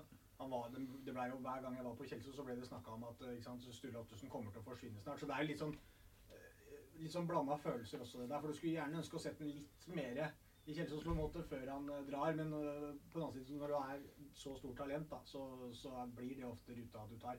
Men øh, det var liksom praten hele tida Man gikk egentlig bare og venta på når Sturle Ottesen skulle forsvinne. Jeg følte liksom egentlig aldri at jeg fikk ordentlig sett den i Kjelsås, men det var denne sesongen her, da. Som han, men den ble så kort. Mm. Og han forsvant før den var over i tillegg. Så har du eh, den som eh, Søt Kjelsås eh, kåra, og som jo kanskje var den som vi diskuterte mest også. Det er jo eh, kantspiller eh, Winston Yo Paintsill. Og han, eh, likhet kanskje litt med Osame Sarawi eh, i Vålerenga, er den spilleren som folk kommer for å se på. Altså, han er en type Han er en wing-type som er veldig Altså, han er veldig rask, eh, driblesterk. Han er eh, den som tar initiativ, som er, gjør det lille ekstra, som har den X-faktoren som gjør at det er, det er gøy å se på. Eh, så han, eh, han har gjort det, Men han har vært der i noen sesonger, har gjort det ekstra bra i år. eh, signert ny kontrakt, så han kan vi få glede oss til å se mer av på Oslos tak. Og så må vi nevne at trener Eivind Kampen har forlenget sin kontrakt som trener i Kjelsås. Skal- Mannen fra Brumunddal. Mannen, mannen fra fa Fagernes, ja. Burde det ikke være et regelbrudd å, å spille for en bydelsklubb i Oslo og hete navnet til en annen bydel? Ja, Kampen er vel ikke noe bydel. Det er jo Kampen er en bydel. Kampen er en bydel. Altså ikke, ikke en Men- administrativ enhet som Oslo kommune har definert, men altså i virkeligheten er jo Kampen en bydel. På samme måte som Manglerud er en bydel. Det er familien at han er, han er jo fra Fagernes, da. Så Ja, Det er enda verre. det er vel heller ikke, det er jo ikke noen bydel ennå i Oslo. Ikke så langt. Nei, Men, men, han skal da ta, igjen, ta opp kampen med å være lengstsittende trener i Kjelsås. Der har Stig Mathisen rekorden med 16 år. Mhm. Eh, For de som ikke kjenner Stig Mathisen, så har han også vært innom alle Oslo-klubber. eh, I hvert fall på toppnivå. Han har da spilt for Vålerenga og Skeid. Han har trent Skeid. Han har trent Kjelsås, og han har trent Lyn. Så han kjenner runden. Så han, han burde egentlig vært han, han må vi ha som gjest i Trikkeligaen en gang i løpet av neste år, Ja. tenker jeg. Ja.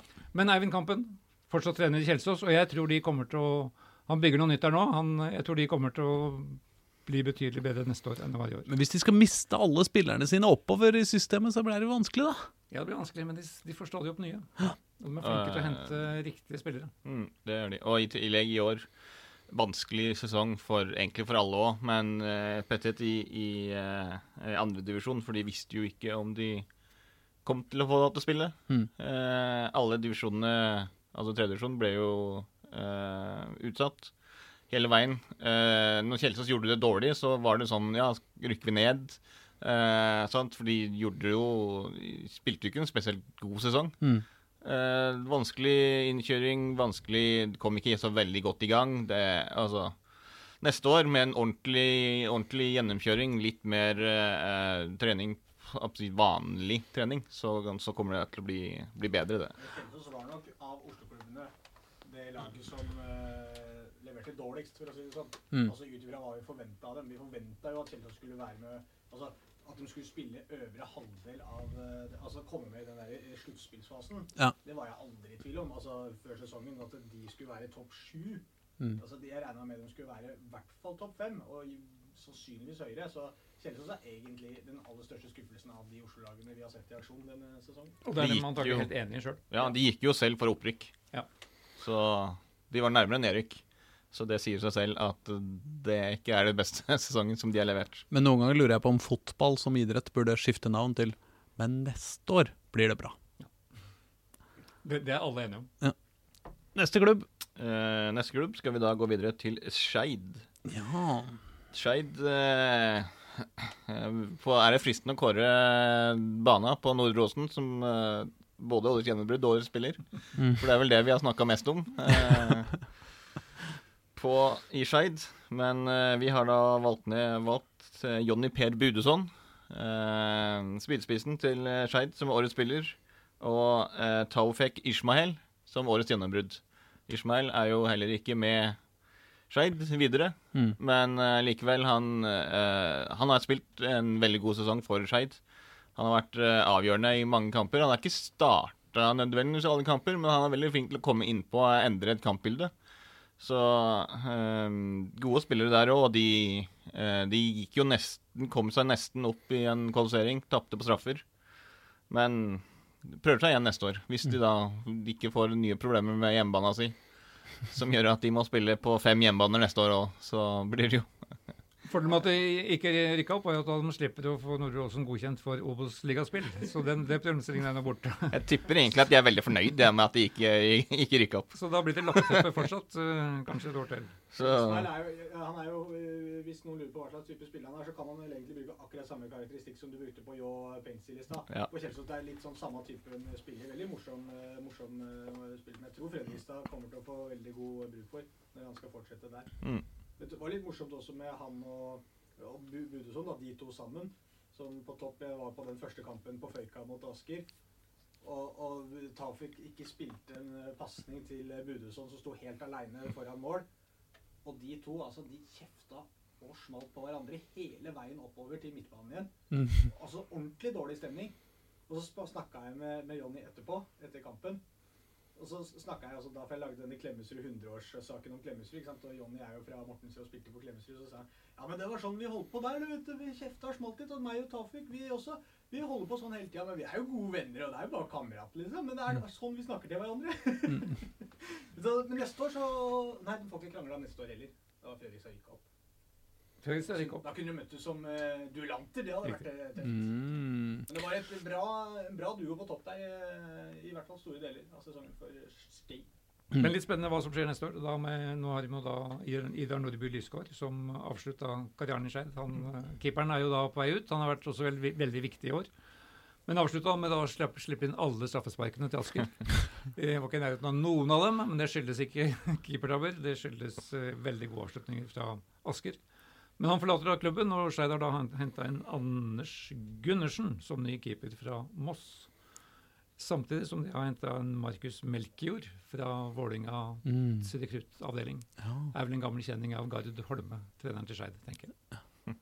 Uh, I det hele tatt mye positivt, egentlig, syns jeg, fra mange spillere i Skeid eh, denne sesongen. Jeg synes det egentlig Dere snakka om det litt i en annen episode, jeg, eh, om liksom hva man skal si om sesongen til Skeid. Men jeg syns jo egentlig, hvis man ser på hva vi tenkte om Skeid før sesongen, da, altså utover i sesongen så tenkte vi dette kan ende med opprykk. Men før sesongen så var det mange som pekte på at det laget her havner fort midt på tabellen et sted. Jeg snakka jo med Mesut Khan som spilte der også. og Han sa jo det. Jeg spurte han hva tror du om Skeid denne sesongen. Og han sa nei, men han mista såpass mange, og det skal bli ny trener, og det skal innkjøres og litt sånn at de skal få det tøft med å henge med helt i toppen, tror jeg, da. Og jeg også følte jo litt det. Så jeg syns jo egentlig at Skeid har hatt en ganske fin sesong. Og spiller som Simen Hestnes på midtbanen der, blant annet. Fantastisk eh, god fotballspiller. Du så det fra første spark på ballen denne sesongen. Morsom, masse energi, gode ferdigheter. Og jeg syns eh, flere av de andre også leverer på en måte på det nivået man kan forvente, og noen eh, mer enn man kan forvente. Og det, pila peker rett vei for Skeid. Så ble Hestnes skada, vel. Han fikk vel et, ute i ganske mange uker. Og da kom han unge Felix Ja, Antonessen Ja. Inn, og gjorde det også veldig bra. Gjorde De nesten de har- et bra innhopp. Nei, jeg bare, jeg bare prøvde å si Ja, An ja, ja. Anto nesten bra. Men da sa jo da Gard Holme på slutten, før siste kampen på Asker, at nå hadde han en stall på nesten 27 spillere, som han tolka som, som jevngode. Så det var en god etter, ettervekst der. Mm. Og hvis den får spissa det, eh, så tror jeg de kan kjempe, bør de kjempe om, topp, i topp, om opprykk neste år også. Ja, og det er jo Og så har de da Daniel Bråten som en joker, som ingen veit hvor hopper før i mars. Nei, han kommer når det er grønt eh, i gresset og litt varmere. Det er ikke så mye snø her, så det, han trenger ikke bekymre seg for det. Men eh, så kommer Daniel Bråten tilbake. Men Da er han 39 år, ja. Hvor gammel er Morten Berre nå? Han er vel 43, kanskje? 44? Spør ikke meg. Han er fortsatt på trenerbenken der, Mm. og hadde vel lisens for å spille hvis de hadde fått spille i tredjedivisjon i år. Så Morten Berre, Daniel Bråten, fortsatt i Skeid. Og så bare sky- skyte inn kjapt og Gard Holme, da, eh, første sesongen sin egentlig da som trener for et ordentlig seniorlag. altså Han hadde jo Vålerenga 2 som sånn sett spilt på samme nivå, men, men uh, alt man på en måte hører og plukker opp om Gard Holme, er veldig positivt. og jeg syns egentlig han har fått mye ut av det. En veldig rotete sesong med, uten hjemmebane og spillere som forsvant før sesongen og ditt og datt. Så bare fortsett, uh, bare fortsett derfra. Bra. Nå akkurat skjønte jeg at døra er åpen. Det er kanskje litt dumt. kanskje vi skulle lukke den? 40, nei, 1.01 ut i sendinga. Var det på tide å greie å lukke døra? Bra. Neste klubb, Pål. Da går vi opp til Obos-ligaen.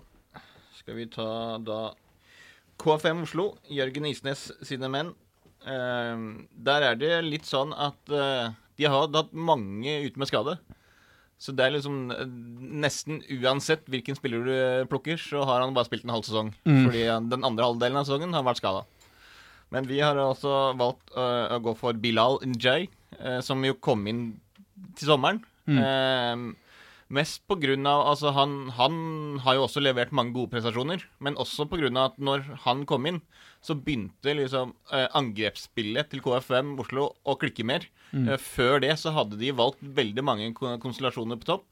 Eh, Isnes hadde aldri helt greid å finne den, den rekka som han ønska, og som fikk, som fikk inn målene på, på topp der. Når Bilal kom, så skulle han spille der, og da ble det litt lettere for de å, å forholde seg til, til rundt. Og så kom jo han også inn eh, i en periode etter at Sortevik og Robin Rask kom tilbake igjen fra skader og, og var litt mer styrende på midtbanen. Og det, alt det her bidrar jo til at KFM eh, fant formen igjen, og gikk da fra nesten en nedrykksstrid til igjen å kjempe om en playoff, som de jo eh, så vidt ikke klarte denne sesongen her. Så derfor så har vi da valgt eh, Bilal Njay eh, som årets spiller. Eh, kun, løsna av Jeg tror Isen starta med forskjellig ang- angrepstrio i de seks-sju første kampene. Mm. Altså, han, eh, Ikke nødvendigvis tre nye folk hver gang, men han eh, bytta ut én og flytta han som spilte høyreving over på venstreving. Bytta spiss. eh, Prøvde alt mulig. KFM så ikke ut som seg selv i det hele tatt. Og så føler jeg i hvert fall litt etter at, etter at Bilal kom inn, så ser Du kan jo plukke på mange ting ikke sant, som gjør at KFM ser ut som seg selv, men, men det er på en måte å få orden på den angrepsrekka, sånn at de ser ut som et KFM-angrep. Mm. For det gjorde de egentlig ikke i starten av sesongen. Eh, Nå snakker vi om det fine, etablerte spillet de har, og, men det blei liksom litt for lett. De, de, løpa kom ikke riktig. Det, det var mye som ikke stemte, rett og slett. Og det skjønte jo Jørgen bedre enn alle andre òg. Han så jo det samme som vi så. Eh, Men allikevel så føler man at mange av de spillerne som var der, de er liksom De er der, på en måte, men mangler det lille hele tida. Kom Bilal inn, og så blei det orden på den eh, angrepsrekka. Og det, Du kan jo du hjelper ikke å bare ha god midtbane, få inn to gode midtbanespillere, og så løser alt seg nødvendigvis av det heller. Så det var vanskelig å vite hvordan en KFM hadde sett ut uten Bilal, selvfølgelig, men, men han kom inn, og ting snudde omtrent på den tida. Og det, det skal han ta med seg. Han hadde fire kamp- Han hadde fire kamper på A-laget for Vålerenga for tre år siden. Å ja. Det Det har jeg glemt. Det husker ikke jeg så mye av. Men så spilte han vel resten på annetlaget. Og så gikk, før han gikk til Skien.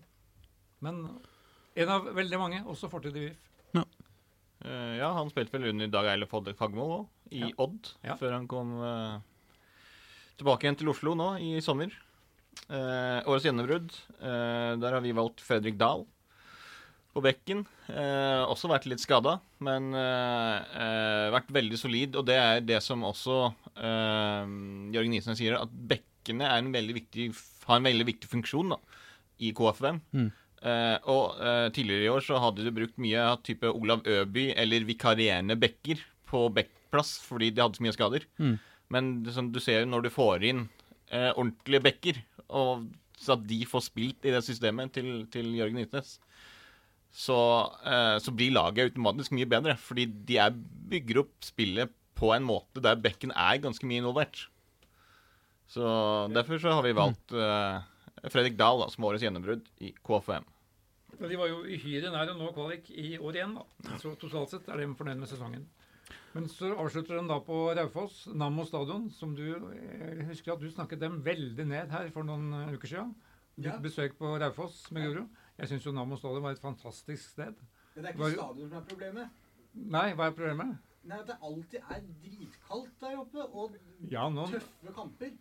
Så du må stille med stillongs og sabel, som jeg kom frem til. ja, når jeg var der, så kom det jo 10 cm snø under, under, under matchen. Ja. Men vi fikk se åtte mål i en fantastisk fotballkamp. Ja, ja, altså, Halvparten av måla de siste to minuttene. Og så var det fri utsikt fra pressetribunen til Lønbergbakken. Legendariske Lønbergbakken. Der Roger Ruud, som du sannsynligvis ikke har hørt om, hadde noen av sine viktigste svev, viktigste landinger. Oh, oh. Ageism. Burn! Det får holde. Ja, det får holde. Men, men, jeg- må eh, si det at når jeg var på Nammo stadion sist med Grorud, jeg hadde en uka mi med Grorud eh, Så altså, glimrende folk. Glimrende Nei, nei, ikke begynn å gå tilbake på det nå. Nei, jeg har ikke gått tilbake. Nei, bra, Dette bra. sa jeg et mening at jeg sa den gangen. Ja, klin til nå. Jeg syns det er veldig ålreit der oppe. Men det er alltid dritkaldt, og det er beintøft å spille fotball der. Ja, det er riktig. Kaldt skal det være. Men fikk du vafler i pausen? Nei, selvfølgelig ikke. Jeg vet jo ikke hvem Birger Ruud er. ikke Nei, ikke sant? Det var Roger Ruud. Roger Ruud. Det er sikkert broren, da. Det regner jeg med. Dere, eh, vi må komme oss Nei, faen, altså.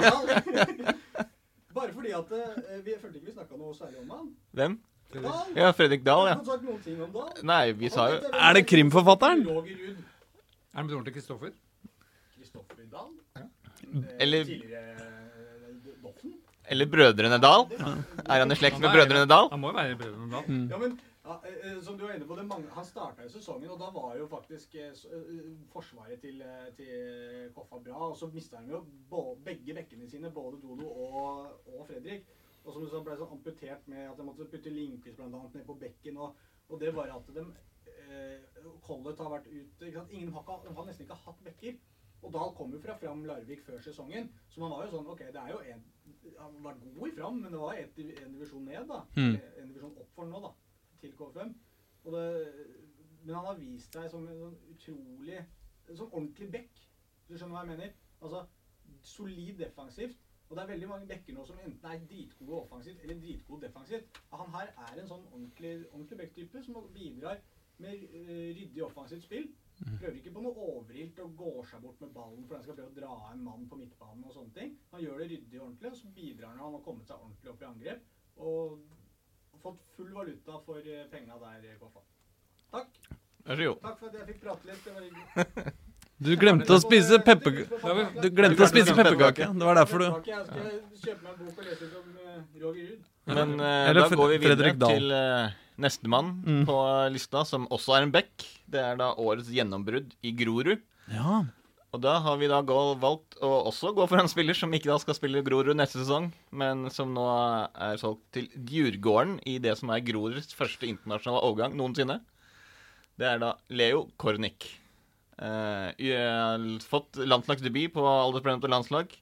vært eh, utrolig solid på, på kanten, eller bekken. Det, det er nesten så du tenker at han egentlig er en kantspiller, for du ser jo han stormer nedover på sida oppover der. og de gangene jeg har vært på og sett på, på Grorud-kamp, så er jo han den som har gått flest ganger offside. Mm. For han er den mest, samtidig den mest offensive eh, spilleren som de har på hele laget. Men han spiller jo da også back. Mm.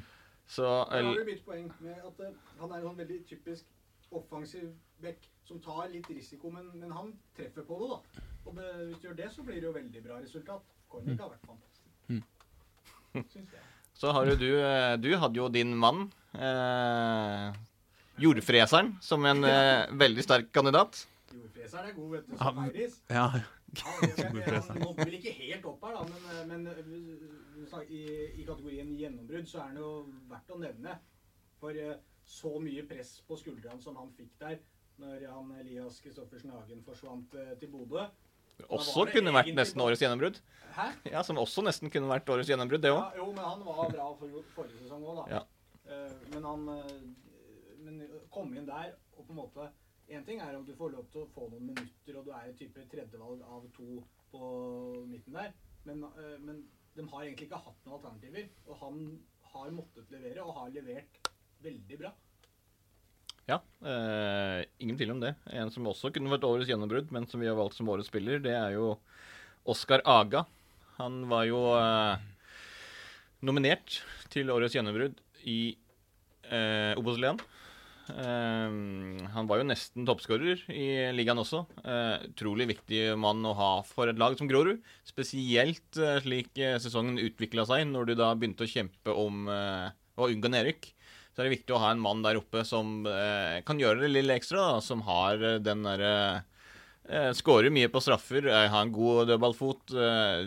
Bidrar veldig godt i det offensive spillet til, til Grorud. Så Oskar Aga er jo da den vi mener har vært best på Grorud denne sesongen. Hurra! Målteft er vel det som beskriver han aller best. Mm. En ordentlig sånn nier. Det er ikke, det er ikke noe blendende på noe vis, egentlig, synes jeg. Når jeg ser på Grorud, så syns jeg ikke at det liksom La meg sånn Her har vi en klassespiller, men så dukker han opp og skårer viktige mål, og det er en uh, veldig viktig egenskap, i tillegg til å da være god på straffer, da, som du forventer av en spiss som skal skåre når du får muligheten fra 11-meteren. Og han starta jo sesongen eh, med et par eh, fantastiske straffespark helt glimt opp i krysset. Mm. Og det var jo, Du tenkte her kommer en unggutt som skal vise seg fram på nest øverste nivå i Norge. Og så skal du gå fram og skyte straffespark. Man må liksom tenke på det oppi da. Vi har sett straffespark som går i krysset før, det er ikke det. Men, men liksom å bare være så kjølig og sette den opp i krysset, og så får du straffe var vel i kampen etter? Eller var det muligens en kamp imellom? Men, og, bare, og da tenker jo alle hva gjør nå? Han kan jo ikke gjøre det samme en gang til. Og så klistrer han i akkurat det samme krysset en gang til. Og det er eh, Da har du den roa som, og hodet som en god spiss skal ha. Er du enig, Soli? Jeg er helt enig. Ja. Men eh, jeg er litt opptatt av disse- disse overgangene, som du sa. Det, altså, Leo var da Groruds første internasjonale overgang noensinne. Det er et sidespor, men hvorfor får vi ikke vite overgangssummer i Norge? Vi får vite det i England og veldig mange internasjonale land, så er det en del av systemet. Åpenhet rundt hvor mye en spiller faktisk koster. Mm. I Norge skal det være hemmelighold. Mm. Um, Jeg regner med at det er fordi folk syns det er flaut at eh, de bare fikk 20 kroner en bugg for den. Ja, det er mulig, men uh, jeg vil ha åpenhet om overgangssummer til 2021. Dette er jeg dette er helt enig i. Faktisk, jeg tenkte på akkurat det samme når jeg leste saken. øh, Eller pressemeldinga som vel kom. At det bare Nederst der så sto det bare liksom i en bisetning at øh, og overgangssummen er konfidensiell mellom Mm. klubbene. Så tenker jeg, men hvorfor det? Dette er, jeg har tenkt på i ishockeyen også. Hvorfor, hvorfor kan man ikke si hva en spiller koster hvis det er 20 kroner en bugg, da? Mm. Er ikke det morsomt å få vite det? Vi skulle bare ønske at i. Jeg har en kamerat som ble solgt for en utstoppa grevling en gang. Ja, du vil gjerne høre om det, selv om det ikke er verdt så mye. Det er ikke flaut, det moro, det. Jeg er enig. Eh, men vi skulle bare hatt en eh, Vi sportsjournalister skulle hatt en organisasjon som kunne slåss for, eh, for vår sak. Og vi skulle bare kjent noen med en kompetent leder, som vi skulle kjent hvem var, Reidar Solli. jeg skal google litt. Jeg synes Det- det, finner fint ja, kan du ikke det? For det? kommer fram nå på Facebook at, at Lillestrøm da tapp, kjøpt, betalte 50 000 kroner for Vålerengas Terje Olsen og Skeids Tore Johansen i 1978 eller 77. Da, det, da, da, da var jo en overgang sjokkerende hendelse i norsk Ja, fotball. ja. Han skifta ikke klubb. Ja. Men så begynte Lillesund å kjøpe spillere, og da var kom det plutselig fram en overgangssum på 50 000 som ikke hadde stått noe sted noe før. Så da begynte folk på Facebook og lurte på er dette riktig. Var det 50 000? Det var litt penger det i 19, midt på 1970-tallet. Ja.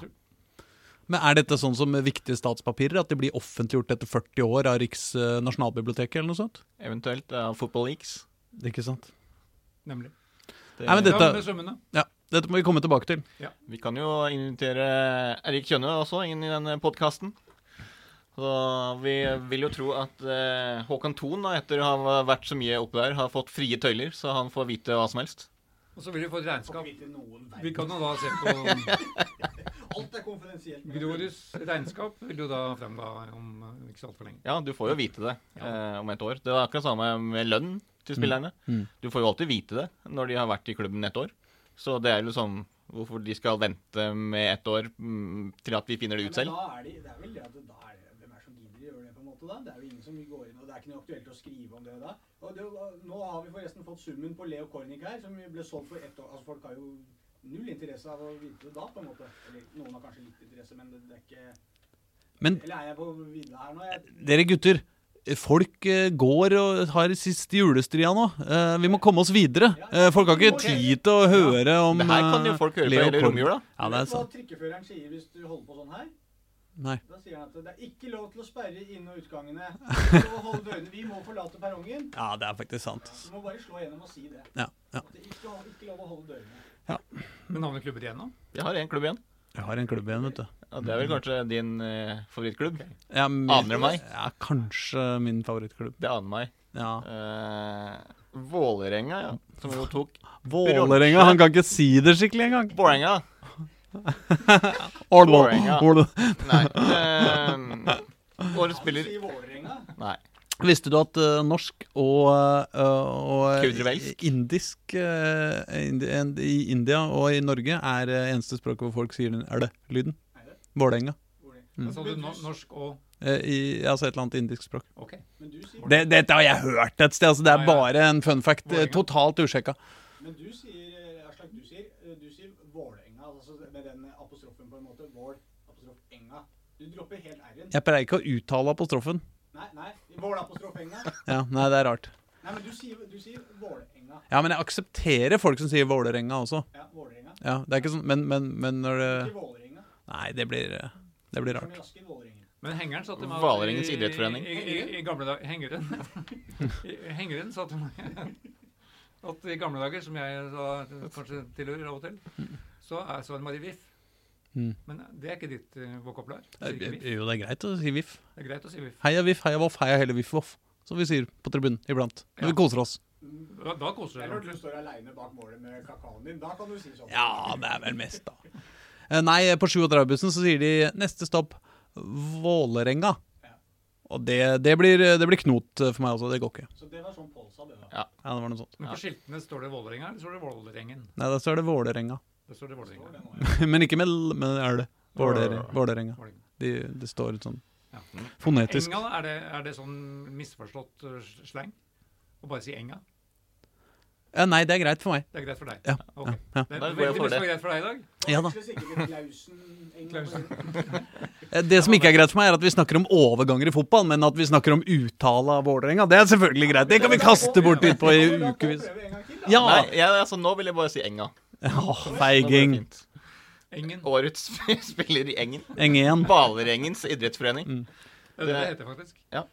Det er da, har vi kalt Kåra, som veldig mange andre, Ivan Nesberg. Ja. Og det, er, altså, det er jo litt kjedelig når alle har gjort det, men samtidig så har han vært den beste spilleren på Vålerenga. Han har Der sa du det riktig. Takk. Bra. Han, han sa Vålerenga. Han men Han, han har tatt veldig store steg. Uh, han er uh, veldig god i det defensive spillet, sammen med Jonathan Tollos eh, Nation. Superbra sopperpar. Men samtidig så har han eh, en annen dimensjon i spillet sitt som han har utvikla som ingen har sett komme. Og det er at han er også den veldig viktige bidragsyter offensivt, med crosspasningene sine ut til kantene. Han er veldig god til å kombinere med, med i det offensive spillet. da. Han er kanskje ikke en sånn type Rune Bratseth som går og forserer mellom flere forskjellige ledd, men altså de crosspasningene for å få løst opp, de har vært eh, eh, veldig viktige for, eh, for Vå- Vålerenga i år. Og spesielt da eh, defensivt. Det er jo det som er hans primære oppgave, og den har han løst utmerket. Men han hadde faktisk to hockeyassists i, i går. Ja. Eh, de to første måla var begge starta hos Ivan Jesper. Hockey. Ja, altså sånn eh, ikke, ikke assist, men eh, andre sånn, assist. Ja. det var kanskje tredje, Tredje sist på ballen. Ja, ikke sant? Den tredje Ja, fordi eh, det første målet så var det han assist. Ja, da får du hockeyassist. Første målet så var det, ha, var det Ivan til Osame til eh, Ørnen. Uh, andre målet så var det Ivan til Bjørdal ute på høyre. Det var riktignok litt kålaby, for det var bare så vidt han greide å redde den ballen fra å gå over linja. Og så over til Osame, og så i mål. Så andre assist to ganger. Ivan er mannen. Ivan er uh, mannen. Og apropos Osame, så er det han som får da årets gjennombrudd. Og det var det vel liten tvil om i denne reaksjonen. Kontroversielle valg, vil jeg si. av Dagsavisen. Vi går altså her for Hvem ville du gått for? Same og Ivan. Beklager, Skar. Eh, eh, Borchgrevink. Ja, ja, men han er Var det, det var det eneste du kom på i farta? Ja, ja. Nei, men altså, Osame er jo den mest eh, åpenbare Det er jo det mest eh, Det, det er så tydelig gjennombrudd òg. For du kan si han er fortsatt ikke Vålerengas beste spiller eller viktigste spiller. Og du kan godt, uh, på en måte hvis du tar tre kamper og heller har Bård Finne istedenfor han, så hadde det gått helt fint. Men, men det er klart at forskjellen fra å være en som ingen veit hvem er, for et år sia, til å, å være en av de heiteste navna i norsk fotball, og som eh, prikker eh, vidunderlige skåringer, og som er eh, kanskje en av de aller største attraksjonene, enkeltattraksjonene i norsk fotball, på ett år! Og han er ikke 20 engang, tror jeg, da. Han er i hvert fall ung. Ja, men jo, jeg er helt enig. Altså, det, jeg har ikke sett mye Vålerenga denne sesongen. Mm. Jeg ser egentlig aldri mye Vålerenga. Med mindre de taper, da. Da ser jeg mye Vålerenga. Men de har ikke tapt så mye. Nei, det har de vi da ikke. har ikke jeg sett så mye. Men jeg har Så du oppsøker dem bare når, du, når de taper? Ja, ja. Ja. Da syns jeg det er spennende. Så- Johnny Deilig syns jeg var Så da veit vi at hvis du er på tribunen, så taper de stort sett. Ja, jeg er jo aldri der, så da går det bra. Men jeg synes, bare det lille jeg har fått med meg, så er jeg helt enig i at eh, jeg bare føler at hvis du er Vålerenga-supporter, bare det at liksom ser lagoppstillinga med Osame der, så er det liksom Ok, du veit det kommer noe, liksom. Det Mm. kommer til å være noe morsomt. Det kommer til å være noen dårlige valg også innimellom der, sannsynligvis. Men han kommer til å løse det allikevel, fordi han har så bra med så gode kvaliteter og ferdigheter. Mm. Kvaliteter og ferdigheter. ja, men det, det, det syns jeg virkelig. Og helt enig at det er nok den største attraksjonen vi har. Og som du sier, alderen tatt i betraktning også, det gjør det bare enda artigere. Men kan jeg få lov til å uh, si en ting jeg har tenkt på? Nå har du snakka mye. Da må jeg spise Ja, jeg veit det. Eh, egentlig syns jeg at siden han er fra Hauketo, og spiller sammen med en Takk skal du ha, Håkon. eh, spiller sammen med en spiller som heter Ørnen, eh, så burde vi jo kalt Osame Sarawi for Hauken. Eh, for når Hauken spiller til Ørnen, og det blir mål, det syns jeg er ganske stas. eh. Det eneste problemet er de der ja, De kan ikke bli fugler heller. Nei, jeg syns i hvert fall det det, er jo, det som du sier, det er en av de få som folk Altså det store publikum som sjelden er på Vålerenga-kamper. De ser bare de korte klippene de får på TV Mm. en sjelden gang. Og det er jo da klippen fra han som vekker oppsikt mm. utafor ut, menigheten. Og det Vålerenga trenger, er jo en profil hvor treneren ikke er det største navnet i klubben. Og nå har det vært det med Kjetil Rekdal og Ronny Deila og Fagermo.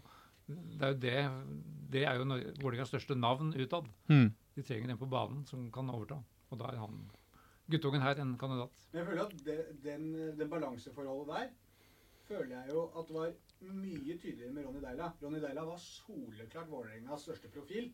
Ja. Uh, mens, mens nå føler jeg at uh, balansegangen mellom Fagermo og noen av spillerne ute på banen er, uh, er mer jevnbyrdig. Og, og det på tross av at Fagermo har hatt såpass mye suksess. Og det er jo et veldig kvalitetstegn og en positiv utvikling for uh, Vålerenga. Enig. Der? Bra sett. Av uh, særlig til en som bor så langt ute i Helt oppe på økeren. Helt oppå Økeren. Det bor jo flere steinkast fra Intility. Ja. Dere, jeg lurer på om vi skal uh, si uh, god jul, jeg. Ja. Og- altså, takke lytterne. Trenere som er greie med oss, og som bidrar til å hjelpe oss med å få ut morsomt stoff om uh, Oslo-fotballen. Vi, vi er jo litt avhengig av at eh, alle involverte er litt greie med oss også. Det gjør ting enkelt for oss, og det syns jeg vi har masse morsomme, snille, gode folk i alle våre Oslo-klubber. skal vi takke de som ikke er så greie òg, eller? Ingen som ikke er greie. Ja. Nå går vi inn i en, en, en fase av sesongen som er kjempespennende. For nå, skal, nå kommer jo da en masse overganger eh, neste måneden. Overgangsvinduet åpner da 15. Da skal jo Håkon Thon opp og ta bilde av når, når Fotballforbundet åpner det overgangsvinduet, som er ut mot T-banen der på, på, på, på nordsida, der på vestsida. Og så da må du ta med deg lyd, sånn, for jeg tror det knirker litt nå, for det, har stått- det har vært lenge igjen. Så sist de åpna det, så knirka det mye. Sånn at du tar lyden, sånn at vi får med det. Får med det. Og da, da vil vi at klubbene, som du sier, fòrer oss med nye overganger. Også både før og etter dette vinduet åpner. Vi er veldig glad for det. Ja. Dere er kjempeflotte folk, hele gjengen. Men jeg lurer på om vi kanskje skal Skal vi tillate oss eh, å ta romjula på sofaen, eller gutter? Ja, det var lov. Ja, Så skal vi vi sterkere tilbake over nyttår. Ja, sånn, eh, sånn eh, Derfor så spiller vi en ekstra lang episode nå, så folk folk har eh, ekstra mye Ja. å kose seg med. Ja. Og da er jo altså Fagermo ville jo starta sesongen igjen 11. januar. Og så skjønte han at det var noe som het ferieloven. No. Som faktisk også gjaldt for uh, Vålerenga. Ja. Vi må vente helt til 18. januar, faktisk. Men det har sikkert skjedd mye på overgangsmarkedet før den tid. Bra. Tenk at arbeidsmiljøloven også kanskje finnes der. En vakker dag så kommer kanskje den til Vålerenga også. Kanskje til oss. Til oss, nei. Nei. Glem det. Nei. God jul, da! God jul! Ha det! Takk for oss, så hei fallera.